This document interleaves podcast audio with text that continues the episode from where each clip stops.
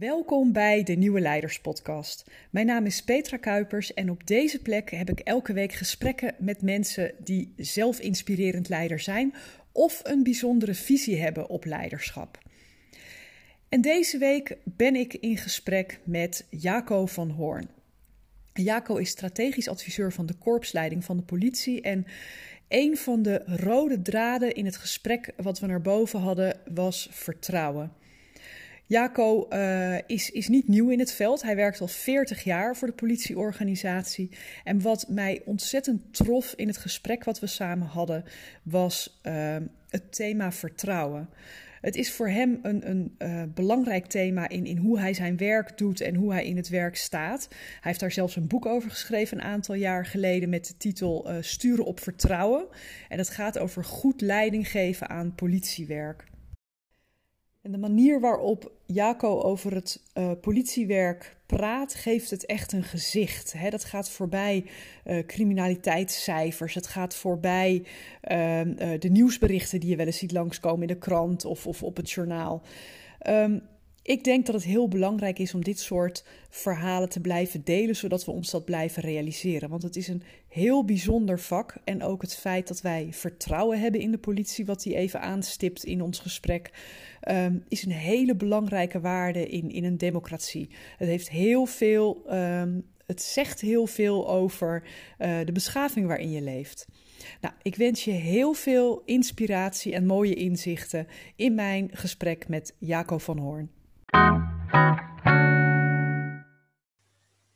Welkom Jaco bij de Nieuwe Leiders Podcast. Um, voor we de inhoud induiken, zou je eens willen vertellen wie is Jaco van Hoorn? Nou ja, eh, in verband met uh, het gesprek wat we hebben, is misschien het belangrijkste om te vertellen dat ik uh, uh, mijn leven lang al bij de politie zit, tenminste vanaf het feit dat ik ben gaan werken. Mm dat betekent dat ik inmiddels zo'n 40 jaar op heb zitten. Zo. En uh, daarvan uh, ben ik ook 30 jaar leidinggevende binnen de politie. Mm -hmm. um, en um, overigens op allerlei verschillende functies.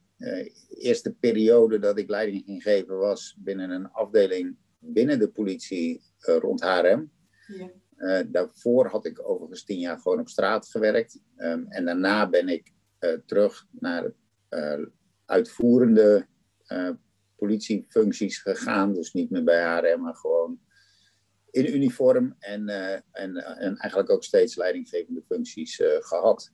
En, ja. en, en buiten dat is leiderschap ook wel altijd een thema geweest waar ik me ook los van mijn eigen functie mee bezig gehouden heb. Dus er waren allerlei nou ja, er zijn altijd wel werkgroepen of clubjes geweest in, in het korps of in de korpsen, nog voordat het één politiekorps was, die met leiderschap bezig waren. En uh, daar ben ik vaak bij betrokken geweest. Ook al toen je nog op straat was qua functie?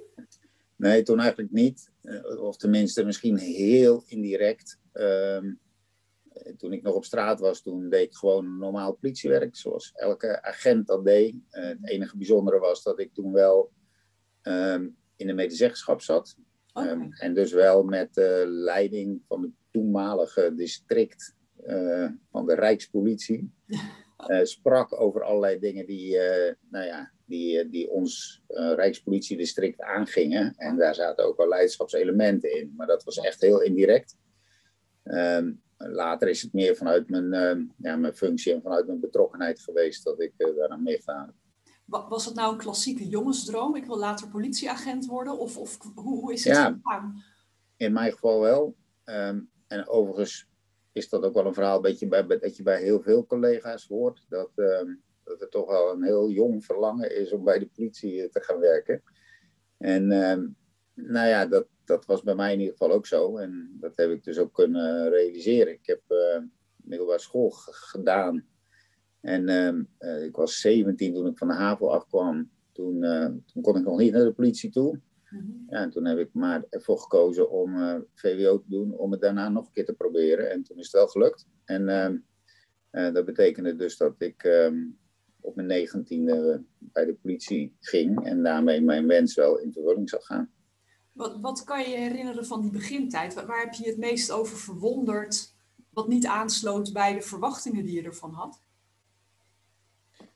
Nou, Ehm, zo, dan moet ik dus 40 jaar terug in de tijd. Ehm, kijk, wat ik, wat ik een, ehm, een ervaring vond van het politiewerk is dat, ja, dat eigenlijk niks te gek is en je komt erbij. Hè? Dus uh, de dingen waar je mee in aanraking komt, uh, en dat zijn situaties van mensen of dat zijn uh, hele complexe ongevallen of crisissituaties. Of nou ja, je kan het allemaal niet bedenken. Hè? Toestanden uh, in gezinnen. Um, mensen die, um, nou ja, uh, zo'n afwijkend uh, levenspatroon hebben. Uh, dat je het je eigenlijk niet voor kunt stellen. We noemen dat dan soms ook wel verwarde mensen. Ja. maar soms in de ogen van die mensen zelf helemaal niet. Um, nou ja, je komt met dingen in aanraking waarvan je eigenlijk niet wist dat ze bestonden. Dat is wel wat je kan zeggen.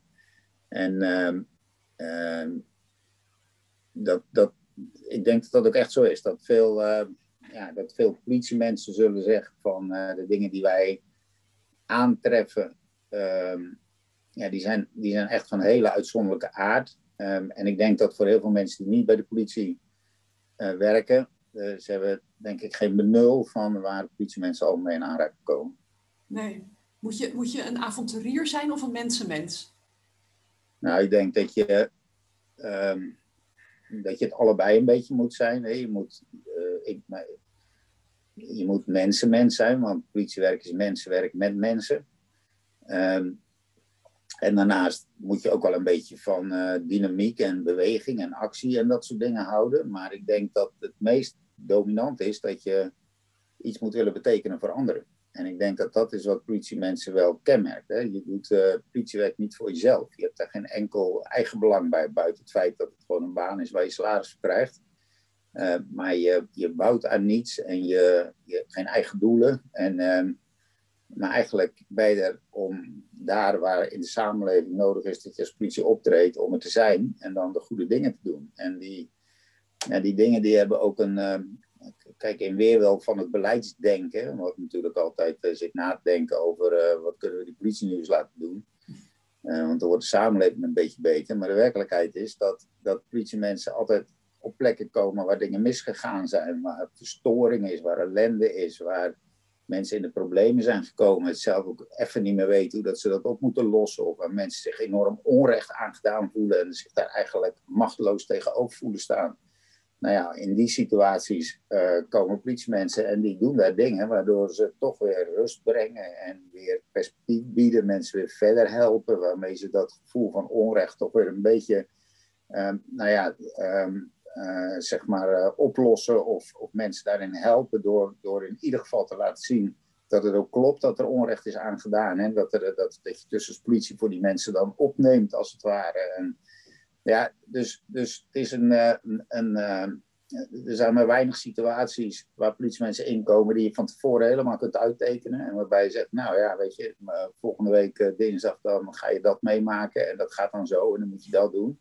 Nee, zo gaat het eigenlijk nooit. Het is altijd uh, voor een groot deel het onverwachte. Um, en dat komt omdat situaties altijd anders zijn, mensen anders reageren, uh, belangen verschillend zijn. Ja, en daar moet, je, daar moet je dan heel snel inschatting maken van wat is hier nu aan de hand, hè? Wat, wat gebeurt hier nu. Uh, je zit ook altijd, eigenlijk, nou altijd, maar wel heel vaak in het domein van uh, goed en fout, het morele domein zou je kunnen zeggen. Dat betekent ook dat op dat gebied er oordelen van je gevraagd worden, uh, waarin je toch recht moet doen aan mensen.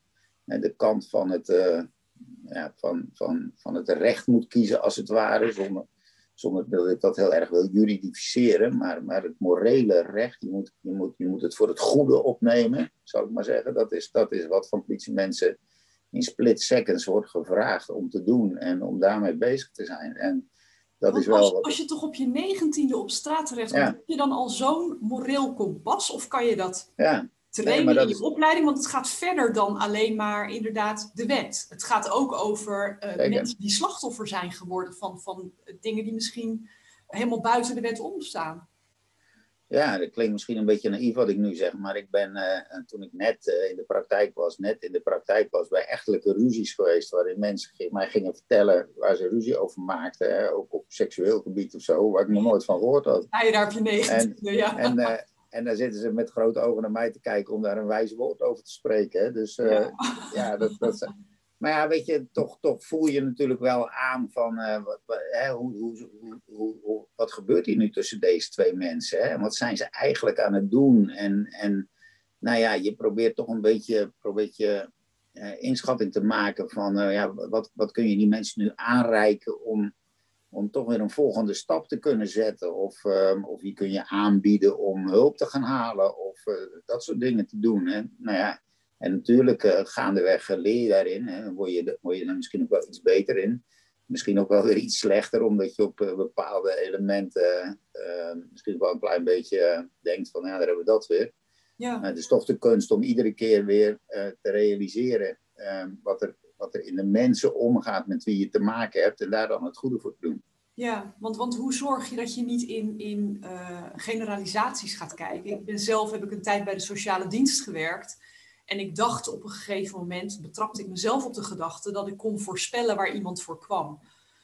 En ik, ik dacht gewoon bijna aan de kleding, aan de uitstraling te kunnen zien. En toen ik mezelf daarop betrapte, dacht ik, ik moet weg. Dit, dit moet ik niet meer willen. Hoe behoed je jezelf daarvoor in, in, als politieagent? Nou ja, dat, dat zijn natuurlijk ook bij ons valkuilen. Hè? En er zijn ook wel, uh, ik bedoel, dat af en toe komt in de publiciteit daar ook wel eens iets over naar voren, dat mensen daar een punt van maken. En dat is natuurlijk uh, zeker uh, uh, zeker niet altijd onterecht.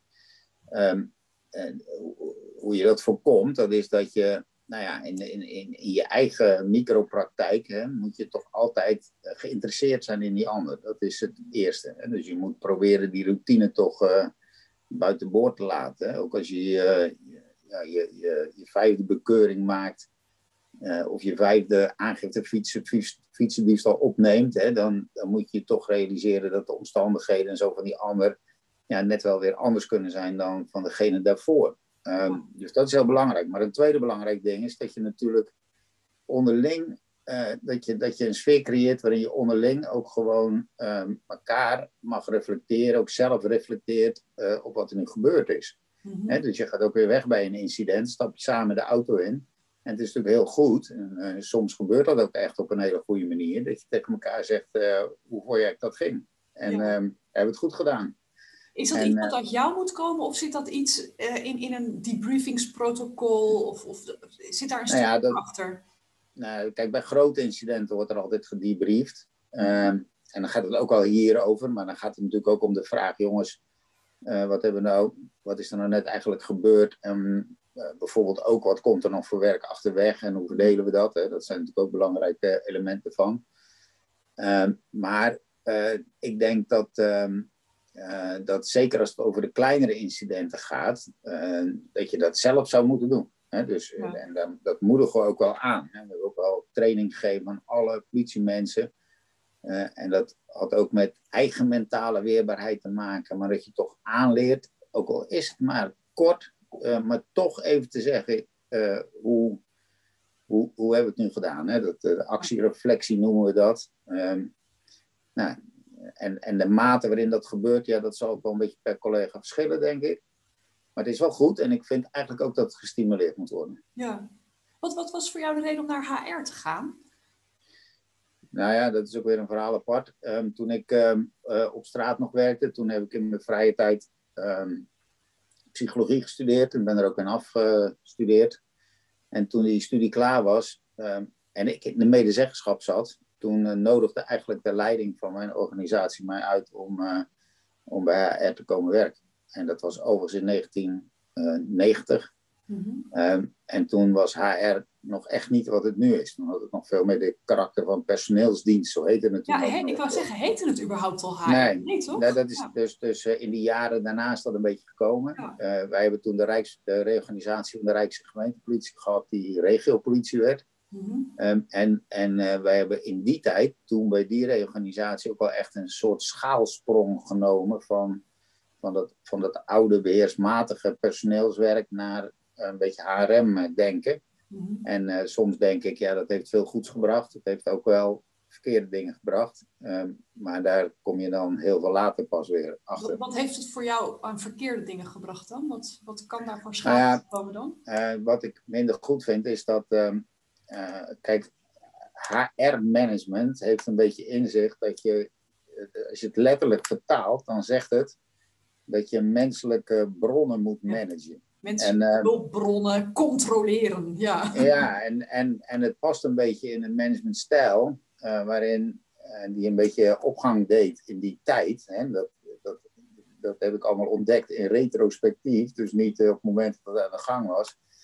Maar het paste in een managementstijl van Nieuw Product Management die toen opkwam. Die eigenlijk zei dat als je, als je heel slim een organisatie uh, managt, dan kom je tot geweldige resultaten. Hè? Maar ondertussen zitten daar. Ja, ondertussen zitten daar een paar aannames in die natuurlijk gewoon niet deugen. Want een van die aannames is dat, uh, uh, dat, dat je boven de top kan bedenken wat goed werk is. En een andere aanname is dat Um, dat medewerkers bedrijfsmiddelen zijn, dat als je die goed stuurt, dat ze dan goed werk doen. Hè? Dat is, uh, dus, uh, dan komt het aan op processen en protocollen en, uh, en resultaatafspraken en, um, ja. Um, nou ja, en, en, en competentiesturing. Hè? Dus competenties gaat helemaal niet uit van de kwaliteiten van een mens, maar gaat uit van wat een functie nodig heeft. dus dus je miskent eigenlijk de eigenheid van de. Je, maakt, je stopt iedereen in die grijze mal van die competentieprofielen die bij die, uh, bij die toevallige functies horen. Nou ja, het is precies de wereld op zijn kop, zou ik zeggen. En, um, en uh, nou ja, dat is allemaal niet zo heel verschrikkelijk, want wat het qua goeds gebracht heeft, is dat natuurlijk, um, nou ja, uh, Arbo. Uh, functioneringsgesprekken, nadenken over opleidingsbehoeften, um, het een beetje meer op de kaart zetten van veilig gezond werken, dat soort elementen. Dat heeft het ook gebracht. Hè? Dus er zitten ook uh, goede elementen in, maar met name het, het instrumentele ervan en met name het idee dat, um, ja, dat, dat nou ja, het, het vergeten van het idee, laat ik het zo zeggen, dat, dat al onze medewerkers met, met een eigen professionaliteit en met een eigen passie en met een eigen drive en met, met, met eigen specifieke talenten ook um, mee die politie uh, goed willen maken. Mm-hmm. um, ja, dat is wel het schadelijke van, uh, van het HRM, denk ik. Wanneer kwam dit besef bij jou? Want je zegt in retrospectief, nou ja. dat, dat, dat betekent dat je pas toen je weg was dat waarschijnlijk hebt gerealiseerd of geduid? Ja, nou ja, kijk, ik heb er ook een beetje op mijn uh, manier intuïtief ook wel echt draai aangegeven. Wij moesten bijvoorbeeld een nieuwe uh, eh, HR-instrumenten maken. Dan heb ik het ergens over midden jaren negentig. Mm-hmm. um, en wij kozen ervoor om daar een, een hele eigen systematiek voor te bedenken. Namelijk, wij hebben toen sessies gehouden met collega's waarin wij zeiden: um, wie, wie mag er nou iets van jou vinden, van jouw functioneren vinden? Nou, eh, als je dat dan opschrijft, dan kom je tot een brede verzameling. Hè? Dat varieert van uh, ja, de, de, die, je chef en je burgemeester tot met uh, het slachtoffer en de, de, crimineel en het kind en, enzovoort. Ja. En vervolgens hebben we geprobeerd te verwoorden wat, um, um, wat die mensen dan mochten verwachten. En daar hebben we gedragsprofielen op gebaseerd. En vanuit die gedragsprofielen hebben we toen een soort beoordelingsinstrument gemaakt. Oké, okay, bijna over... 360 graden feedback, maar ja, dan ja, ja, nog, nog breder eigenlijk, hè? Ja, maar ook alweer een beetje, als je er nu op terugkijkt, wel weer een beetje te precies en zo. Hè? Dus dat zou ik nu ook niet meer zo doen. Um, en, en wat je ook merkt, dat is dat, hè, dat is een inzicht wat ik later ook gekregen heb, dat als je allerlei instrumenten toevoegt om tot een goed gesprek te komen, dan wordt het gesprek meestal slechter. Hè? Dus je kunt veel beter heel open en, uh, en geïnteresseerd tegenover elkaar gaan zitten, als dat je er een of ander um, uh, een of ander lijstje bij moeten hebben, over waar je het over moet hebben. Dus, maar goed, eh, dus, dus, dus geprobeerd een beetje mijn eigen manier inzichten. Maar, maar dat ik dacht, dat, dat New Public Management gaat niet goed, dat kwam eigenlijk later. Toen ik ook als politiechef zeg maar, geconfronteerd werd met allerlei doelen en targets. En er werd een enorm nummer van gemaakt. En ik dacht, ja jongens, het is allemaal interessant wat jullie mij over vragen. Maar dat is echt maar 10% van het politiewerk. Ja. En wat ik ook zag, dat was dat ik aangesproken werd op... Ik heb eens een keertje in een manager, toen was ik al districtchef, dus toen was ik weg bij ARM. Mm-hmm. En toen uh, had ik een managementgesprek met mijn korpsleiding. En die vroegen aan mij uh, op allerlei targets en allerlei dingen. En uh, nou, daar gaf ik allemaal antwoord op. Het meeste had ik wel gehaald. En de dingen die ik niet gehaald had, had ik een van de verhaal bij, was ook prima. En, uh, maar toen, toen wilden ze eigenlijk stoppen, want we hadden het lijstje afgesproken targets gehad. En toen zei ik, ja, maar ik wil nog even doorgaan als jullie het goed vinden. Nou, dat mocht dan wel. Um, dat deden we allemaal met sheets. Ik had nog een paar extra sheets gemaakt. Toen heb ik, um, en toen heb ik ze laten zien hoeveel um, zelfdodingen de collega's hadden gehad. En hoeveel dodelijke aanrijdingen. En hoeveel aanrijdingen met gewonden. En hoeveel slecht nieuwsgesprekken ze gedaan hadden. En hoeveel reanimaties ze gedaan hadden. En hoeveel lijkvindingen er waren geweest. En hoeveel uh, geweld tegen collega's er was geweest. Ja. En, nou, en zo'n heel rijtje van de dat soort dingen. Verhalen, de echte, en toen, echte en, verhalen. En, ja. en, toen zei, en, en ik, toen zei ik, weet je wat ik wel een beetje gek vind? Dat is dat jullie hier helemaal niet over praten met mij. Want dit zijn namelijk de dingen die de collega's echt raken. En de dingen uh, waar je me net over spraken. En, um, ja, weet je, die, die, collega's doen gewoon hun werk. Die gaan naar huis en die zijn dan weer vergeten dat ze dat gedaan hebben. Maar dit zijn de dingen waar het in het vak over gaat. En um, nou ja, dus, dus dat denken hè, van wat is hier nu eigenlijk precies aan de hand en um, waarom gaat het over deze dingen, welke gedachten zit erachter. Dat heeft wel gemaakt uh, dat ik daar, um, overigens was het wel leuk, in 2005 denk ik dat het was, um, of ietsjes daarvoor misschien wel. Toen heeft zich ook een soort groepje gevormd in het korps van uh, leiding, een beetje hoge leidinggevenden die eigenlijk allemaal zo'n soort onbehagen hadden met hoe het ging. En dat, en dat groepje dat is bij elkaar gekomen onder de, onder de naam um, um, wat is de essentie van politiewerk en wat bezielt politieleiders. Ja. En dat was eigenlijk een beetje reactie ook op die tijdgeest. Het groepje is later verder gaan, gegaan als een illustere clubje wat de naam Ithaca kreeg. Um, en uh, nou, wij hebben toen ook al wat publicaties uh, gemaakt en zo over, uh, over dat dit niet deugde. En in 2010 heb ik ook een boek geschreven, dat heet Stuur op Vertrouwen. En dat is eigenlijk ook wel een soort, ja, een echte reactie of een echte, nou ja, ja, je kan ook zeggen tegenreactie op dit denken. Maar het biedt ook een alternatief, hoe dat je de professional, hè, de collega's wel als professional kunt zien, hoe je vanuit vertrouwen kunt sturen. En hoe je op die manier ook echt aandacht uh, kunt geven aan de elementen die in mijn beleving politiewerk echt goed politiewerk maken. Ja, want al in ons voorgesprekken, we hebben elkaar vorige week al even gesproken, toen had je het heel erg over vertrouwen. En dat is echt de term die bij mij is blijven hangen. Daar, daar, zit voor jou, want ik denk altijd bij politie uh, uh, waak, waakzaam en dienstbaar, hè, denk ik. Maar uit ons gesprek kwam dat vertrouwen heel erg naar boven. Kan je daar eens op, op, op voortborduren? Wat, wat zit daar voor jou voor gevoel achter? Waarom is dat zo belangrijk? Uh, dit vertrouwen heeft ook een interne en een externe component. Hè. Kijk, wij zijn een politieorganisatie, wat ik net al zei, zonder eigen doelen. Uh, wij zijn een organisatie die geweld mogen toepassen, die mensen mogen pakken en in een hok mogen stoppen. Hè. Dus in de, in, in, in, mogen insluiten, dus de ja. Spullen in beslag nemen. Wij kunnen uh, eigenlijk elke plaats betreden, een woning dan wel met een last nog, hè. dus dat is een kleine er is wel een stap voor nodig, maar eigenlijk, ja, wij mogen ons met iedereen bemoeien. Hè? Dus, dus wij hebben een hele bizarre positie eigenlijk in de ja. samenleving. Ja. Hè? Dat, um, um, als je daarover doordenkt, Paul Frisse die noemt onze gevaarlijke organisatie. Hè? Dus dat, en, en dat klopt, want er zijn natuurlijk landen waarin de politie ook gewoon voor de burgers echt gevaarlijk is. Ja. Hè? Dus, dus um, nou, dat, dat, dat maakt het spannend. Hè? En, en hoe komt het dat wij dan toch uh, gewaardeerd ons werk kunnen doen? Dat is doordat mensen vertrouwen in ons hebben. Ja. Dat mensen zeggen, hé, hey, die politie die is er als het nodig is. En die politie die deugt ook, hè? die is ook onpartijdig. Hè? Die, die, die is ook integer en die is betrouwbaar. En daarom is het ook zo uitermate pijnlijk als je af en toe voorbeelden hoort um, uh, dat het toch misgegaan is. En ja, we hebben een organisatie met 65.000 mensen, dus af en toe gaat het mis, maar het is wel iedere keer heel erg. Hè? En met de, iedere, iedere, collega die over de streep gaat, die zet ook dit beeld, um, zeg maar, op de tocht. Mm-hmm. Maar um, het is dus heel belangrijk dat ook die buitenwereld uh, dus dat vertrouwen in ons heeft. Want als ze dat vertrouwen hebben, dan, ja, dan gebeuren er uh, uh, een paar dingen. in de eerste plaats is het zo dat door dat vertrouwen wij ook de ruimte krijgen om ons werk te doen. Hè. Dan zeggen mensen het is oké okay als de politie optreedt, want die club die deugt. Hè. Dat, is, dat is natuurlijk belangrijk. Nou, het tweede is dat mensen ook veel meer, uh, als dat ze je niet vertrouwen, bereid zijn om met je samen te werken. En, en samenwerken is uitermate belangrijk voor de politie. Hè. Dus wij doen maar heel weinig zelf. We zijn afhankelijk van meldingen, we zijn afhankelijk van getuigen. We zijn afhankelijk van mensen die willen doen wat wij uh, vragen, of die zelf daar met suggesties op komen. Um, samenwerken met andere organisaties, maatschappelijke organisaties, doen we heel veel. Dus die, nou ja, naarmate wij er beter op staan, des te groter is die bereidheid uh, om samen te werken. En bovendien, en dat is nog een beetje indirect uh, gevolg daarvan, onderzoek laat ook zien dat naarmate de overheid en ook in het bijzonder de politie meer vertrouwd wordt, dat mensen zich ook veiliger voelen. Ja. Dus wij werken aan veiligheid, hè, maar een van de belangrijkste manieren om mensen het gevoel te geven dat ze in een veilig land leven, het is doordat ze de politie kunnen vertrouwen. Hè, en, en, dat ze er ook denken dat de politie er is als het nodig is en dan ook goed handelt en de best voor ze doet.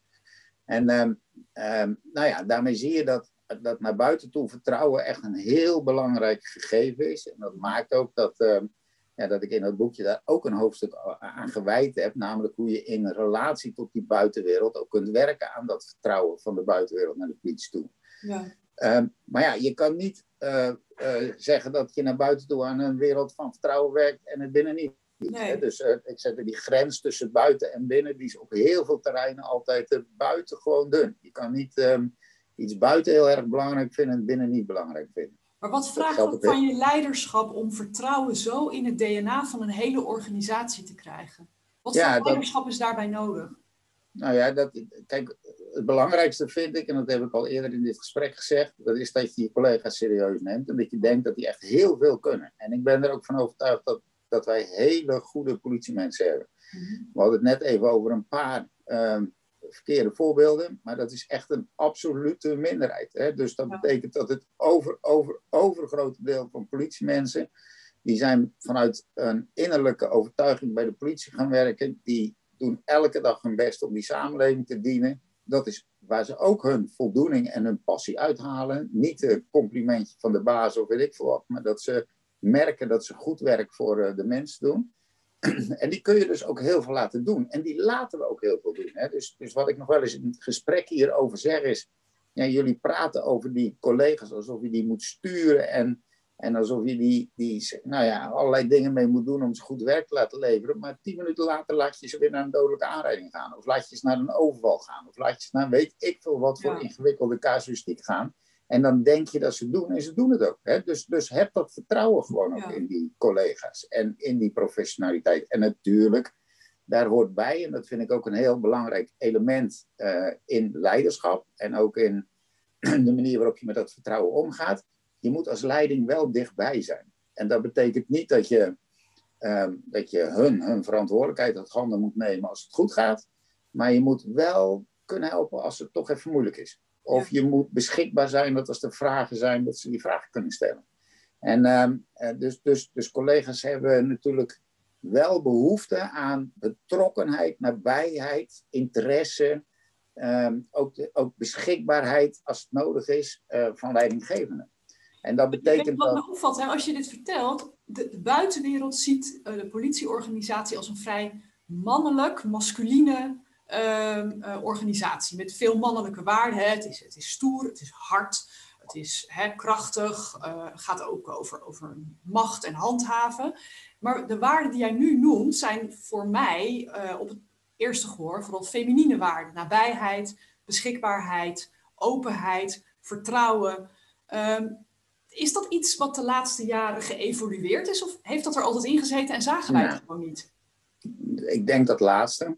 Ik had in 1993, eh, toen wij de politie Hollands Midden startten, al een korpschef, die heette Siebrand van Hulst. En die wist al enorme betogen te houden over de feminine kwaliteiten van politie. Um, en ik denk dat het terecht is. Hè? Dus um, wat ik net zei, als wij in een uh, echtelijke ruzie zitten, of als wij een slecht nieuwsgesprek brengen, of als we bij uh, ouders zitten van een weggelopen kind, of als we nazorg verlenen bij een ongeval ja, dat is behoorlijke femin feminine kwaliteit heb je daarvoor nodig om dat een beetje liefdevol te doen. En uh, dat is ook hartstikke belangrijk. En tegelijkertijd heb je ook, hè, maar dat is wel vaak het beeld bepalende natuurlijk, en daar komt waarschijnlijk het misverstand door wat je, wat je aanhaalt. Um, tegelijkertijd is het ook belangrijk dat we op zo'n momenten doorpakken. Hè? Dus als, uh, als er gereld wordt, ja, dan loopt iedereen achteruit, stappen wij naar voren. En als er criminelen zijn, hè, iedereen vlucht met, met een overval, ja, wij gaan er met getrokken pistool op af. Dus dat hoort er ook bij. Hè? En, en soms zie je, wat dat betreft is ook niet elke politieagent hetzelfde. En je ziet sommigen zeer overtuigd voor het wijkagent kiezen bijvoorbeeld. En voor het nou, met anderen in gesprek zijn en samen oplossingen zoeken. Gaan ze maar door. Terwijl andere collega's bewust ervoor kiezen om naar een arrestatieteam te gaan. Om uh, nou, een beetje dat werk te doen. Uh, maar eigenlijk alle, al, die, al die facetten komen in het politiewerk iedere keer weer terug. Hè? En, ehm, uh, dus ik ben het met je eens. Eh, de, de feminine uh, kwaliteiten, um, die zijn belangrijker vaak dan, uh, dan de andere. Hè? Ja, zeker als het mensenwerk is natuurlijk. En, en je wil in verbinding staan en je hebt het over vertrouwen. Um, ehm, 40 jaar, dat is best een hele tijd om bij één organisatie te werken. Als je nu kijkt met jouw leiderschapsbril, hoe heb jij het leiderschap in die tijd zien veranderen? Um, nou ja, wat ik. Uh, de, de, de, de, de grootste verandering is toch wel geweest, en dat, dat is verandering die zich wat hoger in de organisatie heeft ingezet.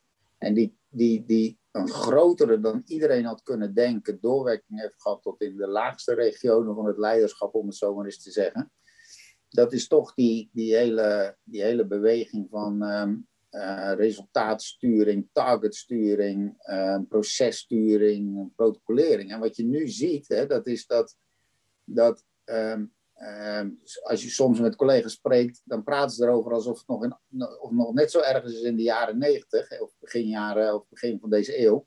Uh, maar, maar de werkelijkheid is dat dat echt niet meer zo is. Hè? Dus wij hebben nauwelijks nog uh, hele harde targets. En het is nauwelijks nog zo dat wij uh, heel hard op protocollen worden afgerekend. En je, je ziet dat er in het denken daarin een enorme kentering is gekomen. En dat de dingen waar we het nu over hebben, die, die zeg ik, hè, maar die zeggen, die, zeggen, die zeggen steeds meer mensen met mij. En dat wordt ook gewoon een beetje de nieuwe benaderingen. Wat het verhaal wat ik net, wat ik nu hier vertel, dat is helemaal niet zo'n gek verhaal meer tegenwoordig. Maar, maar uh, om dan vervolgens het, het handelingsrepertoire te kiezen wat hierbij past, hè, dat is nog wel een probleem. Want een heleboel van de leidinggevenden van nu, die zijn ook uh, uh, opgevoed, zal ik maar zeggen, of opgegroeid met het leiderschap. wat nog wel heel sterk die sturende en beheersmatige componenten in zich had. En, ehm, en wat ik dus merk is dat het echt wel een zoeken is in de organisatie, hoe dat je, hoe dat, je dat, dat, ja, dat, dat nieuwere leiderschap, of nieuw, weet ik niet hoe nieuw het is, maar om, om, dat, ja, om dat ook handen en voeten te geven. Wat vind je daar jouw verantwoordelijkheid, jouw professionele verantwoordelijkheid? Want jij gaat over leiderschap, over de leiderschapsportefeuille binnen de hele politie. Hoe, kijk je ja. naar de toekomst als je dit even door je oogharen een beetje aanziet? Hoe, hoe gaat dit verder? Ja, wat ik, wat ik, uh, er zijn, uh, we, we, zijn aan het nadenken over dit vormgeven. En daar zijn een aantal elementen in belangrijk. Een heel, heel belangrijk element is dat we nieuw leiderschapsonderwijs hebben opgezet. En dat nieuwe leiderschapsonderwijs, dat is uh, veel meer dan het vorige waardig georiënteerd. En dat gaat veel meer over zingeving. En wij moedigen in dat leiderschapsonderwijs studenten ook aan om daadwerkelijk zich te bekwamen in de vaardigheid om met collega's in gesprek te gaan over die zingeving. Ja. dus de vraag van waarom doen we wat we doen? waarom, waarom is het gegaan zoals het gegaan is? Zullen we daar samen eens naar kijken? Zullen we eens kijken of we daar vanuit kunnen dus leren? Reflecteren eigenlijk een onderdeel maken dus, van de learning Ja.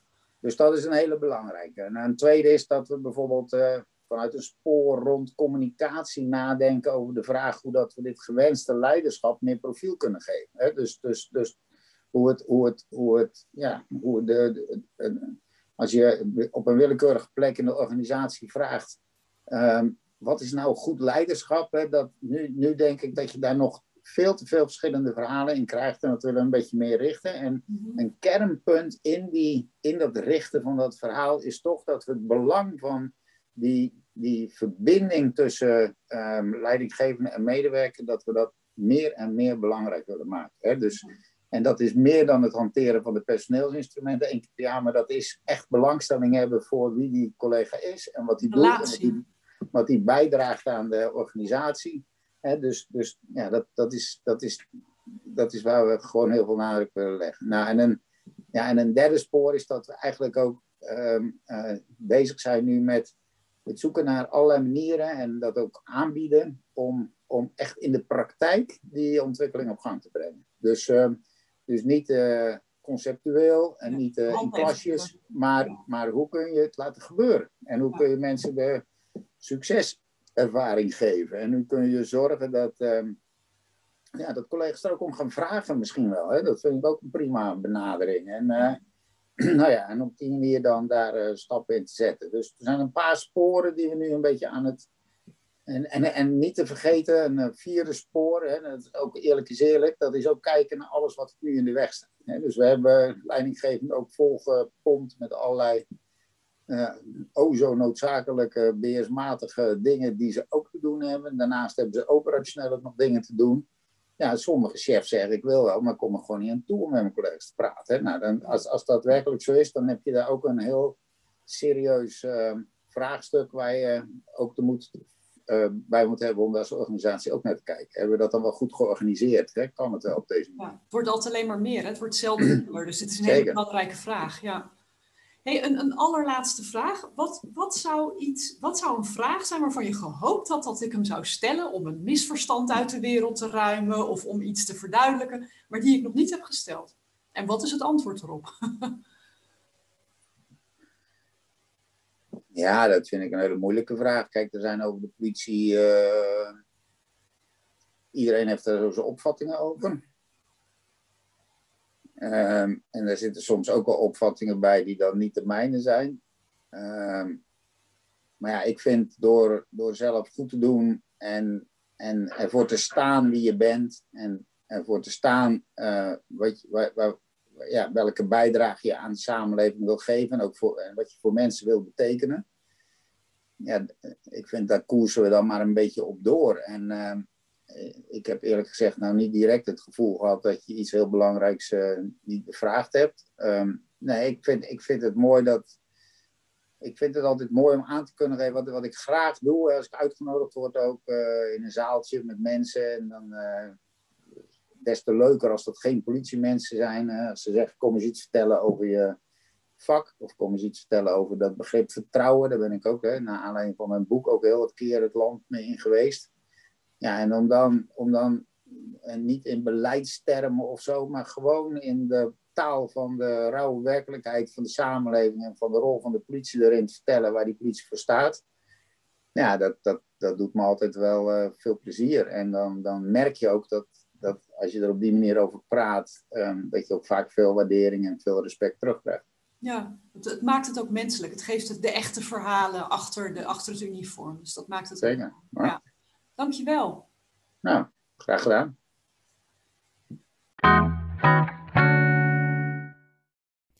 Dit was hem weer voor deze week. En net als elke week hoop ik dat ook dit gesprek met Jaco van Hoorn je de nodige inzichten en inspiratie heeft opgeleverd.